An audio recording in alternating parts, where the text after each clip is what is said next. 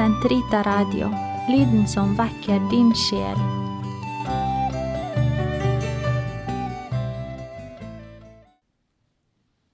Den katolske kirkes katekisme, uke 41, lørdag 2318 til 2330. Kort sagt Han har hver levende sjel i sin hånd og rår over ånden i hver manns kropp.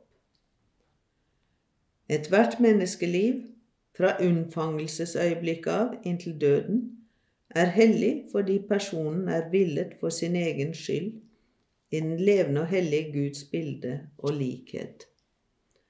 Drap på et menneske strider alvorlig mot menneskeverdet og skaperens hellighet.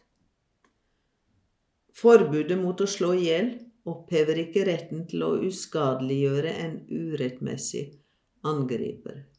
Lovlig selvforsvar er en alvorlig forpliktelse for den som bærer ansvar for andres liv og det felles ve og vel.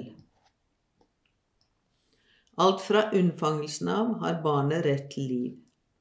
Direkte abortinngrep, dvs. Si, abort villet som mål eller middel, er en fordervelig handling som alvorlig strider mot den moralske lov.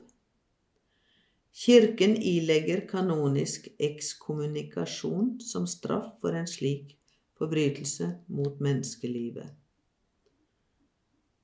Siden fosteret skal behandles som et menneske helt fra unnfangelsen, må dets integritet forsvares, og det må pleies og helbredes på samme måte som ethvert annet menneske.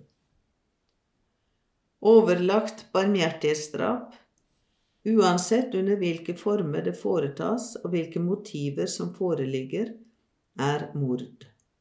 Det strider alvorlig mot menneskeverdet og mot aktelsen for den levende Gud, som har skapt mennesket.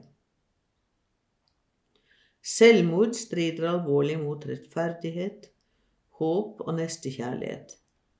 Det forbys av det femte bud. Anstøt er en alvorlig synd når det leder en annen til å synde, ved gjerning eller ved unnlatelse. På grunn av de onder og den urett all krig fører med seg, må vi gjøre alt som innenfor rimelighetens grenser er mulig for å unngå den.